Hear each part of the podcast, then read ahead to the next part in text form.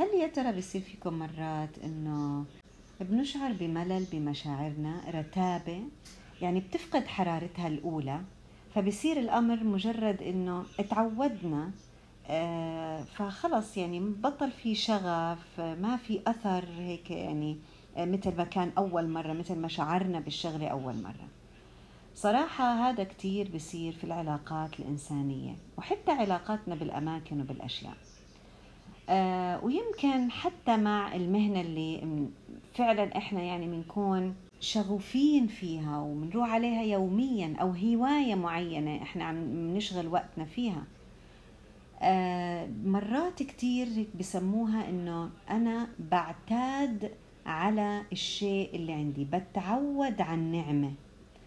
كأنه هذا الشيء بخلي عندي نقاط مرجعية جديدة. يعني أنا دائما بسعى أني أنا بدي شغلة معينة بس أول ما أحصل عليها آه، بتعود عليها. أولها بنبسط بعدين بتعود على الشغلة. بتصير شيء عادي. فاللي بيصير إنه بترجع النقطة المرجعية لسعادتي بترجع بتصير تتحول لنقطة جديدة من المكان اللي أنا فيه اللي أنا وصلت له.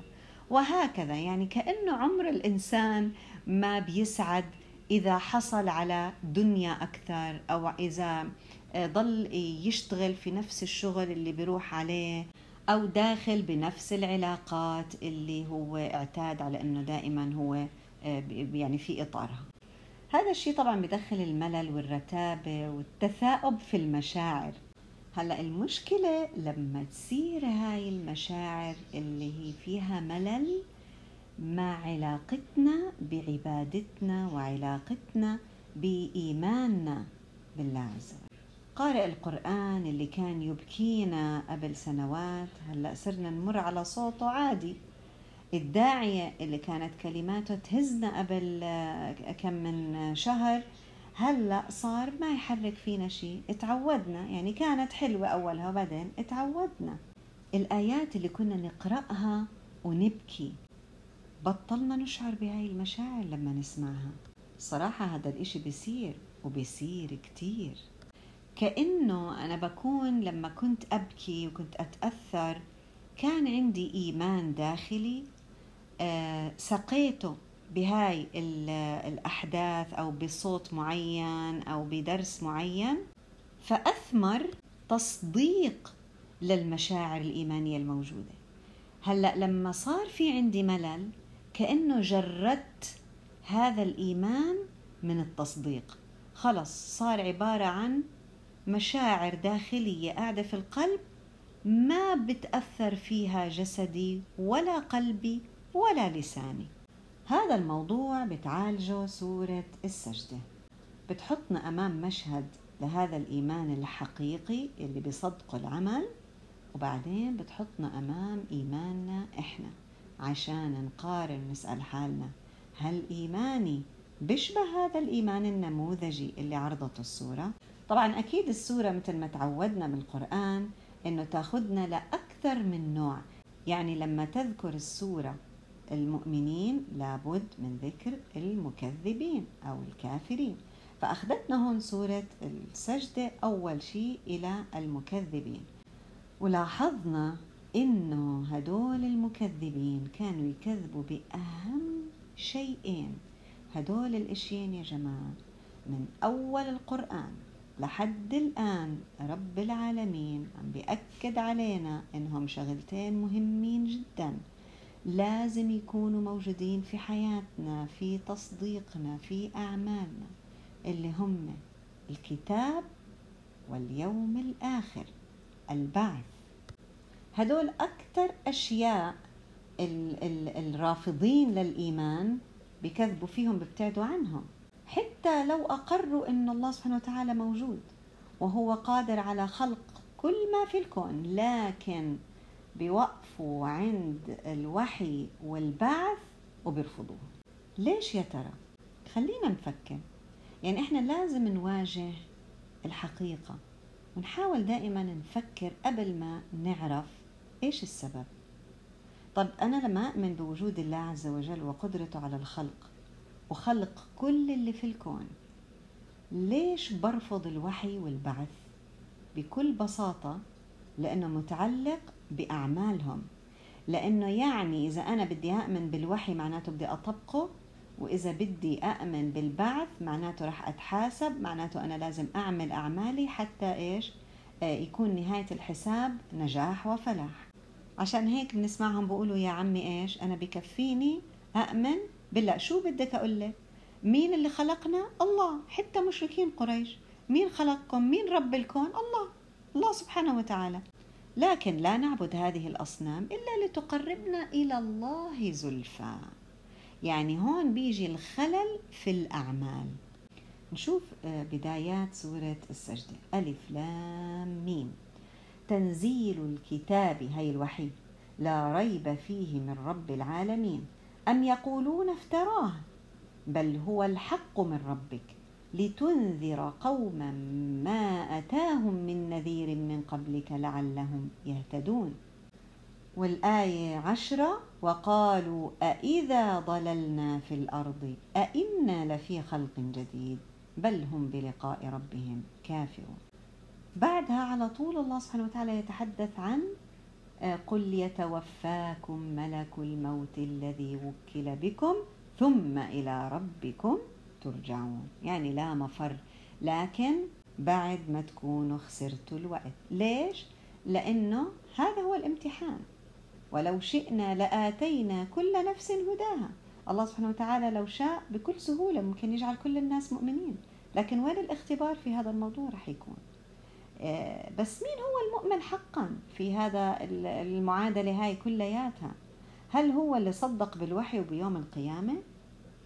ولا هو في مرحلة ما بعد التصديق والإيمان؟ نسمع الآيات. إنما يؤمن بآياتنا الذين إذا ذكروا بها خروا سجدا وسبحوا بحمد ربهم وهم لا يستكبرون. تتجافى جنوبهم عن المضاجع يدعون ربهم خوفا وطمعا ومما رزقناهم ينفقون. هذا هو مشهد الإيمان الأعلى. يعني آه، كيف آه، يعني لما تتأصل يتأصل هذا الإيمان في القلب ويتعود عليه الإنسان بعدين يرجع يذكر نفسه فيه بده يضل دائما يجدد هاي النية دائما يجدد إيمانه. قال الرسول صلى الله عليه وسلم إن الإيمان ليخلق يعني يبلى في جوف أحدكم كما يخلق الثوب. بقدم بنهري. فاسألوا الله أن يجدد الإيمان في قلوبكم. بس هون شو لاحظنا بالآية؟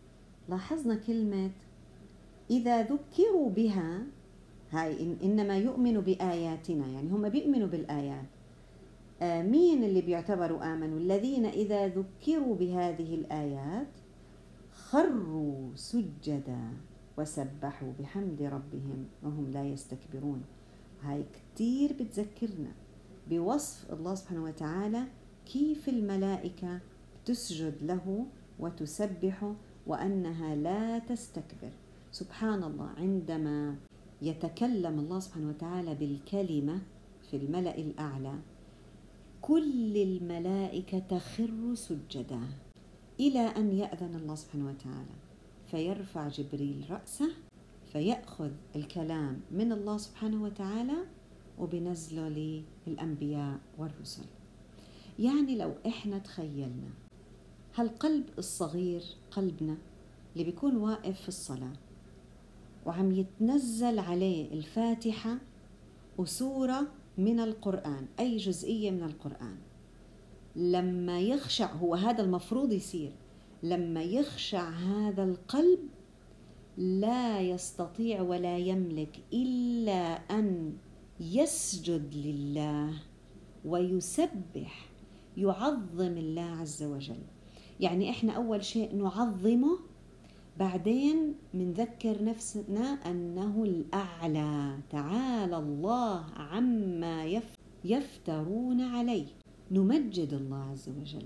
مننزه الله سبحانه وتعالى عن أي نقص لما نقول سبحان سبحان ربي العظيم. منذكر أنفسنا إنه مهما يكون همك كبير فالله عظيم. وإحنا فنخر شوف كيف الآية؟ خروا سجدا.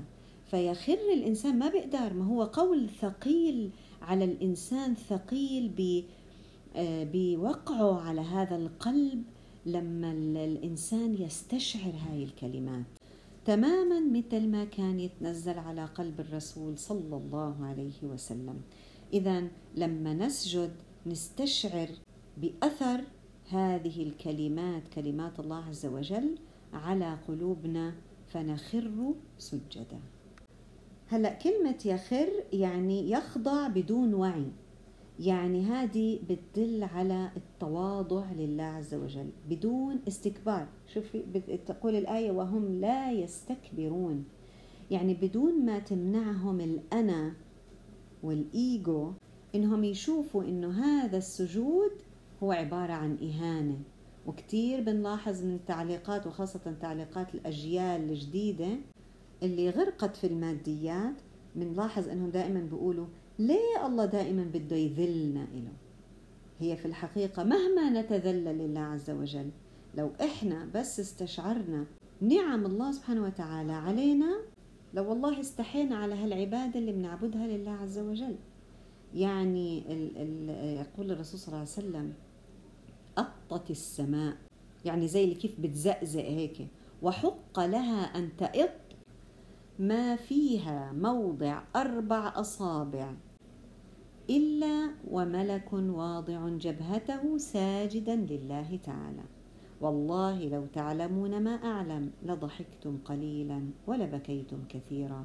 هاي جزئية من حديث حسن للرسول صلى الله عليه وسلم. هاي المخلوقات اللي لا تعصي الله عز وجل فما بالنا بالقلوب التي تعصي. آه الحقيقة يمكن لأنها بتعصي اعتقدت أن سجودها لله قد يكون إهانة. تعالى الله عن ذلك. تتجافى جنوبهم عن المضاجع. تخيلوا هاي كلمة بتوصف علاقة هدول الناس مع تخوتهم مع أسرتهم. يعني هذا لفظ فيه سحر هيك خاص سبحان الله. ما أول ما واحد يسمعه بصير بحس إنه كل ما بده يتقلب بالليل أو يذكر الله عز وجل أو يقوم حتى يصلي له ركعتين فورا بتتبادر هاي الكلمة لباله ما وردت إلا مرة واحدة في هذا الموضع وهو بيعبر عن علاقة تباعد بين الشخص وسريره. لكنه تباعد متقطع بترك الشخص سريره مع إنه هو بيحتاج إنه ينام لأنه يشتاق لموعد آخر. يدعو فيه ربه خوفا وطمعا. كأنه هو محتاج للنوم لكنه هو برضه عم ينتظر طعم أحلى من النوم. هذا المشهد بيعبر عن الذين آمنوا. فهل هو يا ترى بيعبر عنا؟ طيب أنا كيف ممكن أوصل لهذا الوصف؟ كيف بدي أوصل لهذه الحالة؟ هاي الحالة هي حالة اليقين. اليقين مرحلة عليا من الإيمان. السورة كانت مليانة بكلمة يقين. تنزيل الكتاب لا ريب فيه معناته يقين. فارجعنا نعمل صالحا إنا موقنون. ولقد آتينا موسى الكتاب فلا تكن في مرية من لقائه يعني لا تكن في شك ولكن بدك تكون في يقين من لقاء الله. وجعلنا منهم أئمة يهدون بأمرنا لما صبروا وكانوا بآياتنا يوقنون.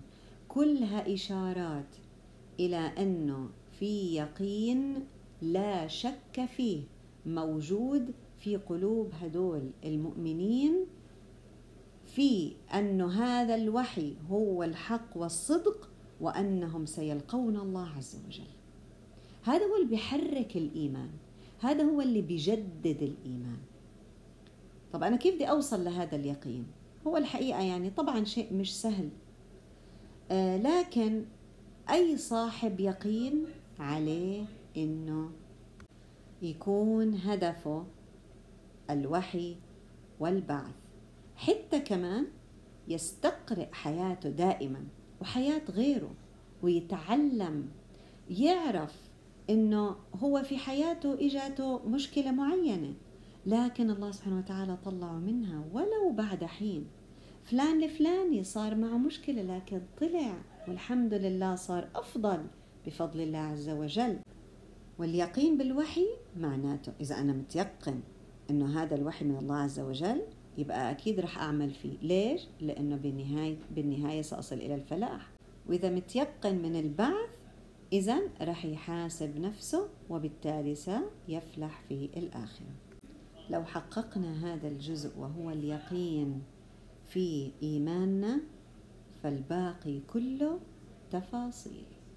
طيب بنعرف لما تجينا هلأ من يوم وطالع أي مشكلة دنيوية نستثمرها؟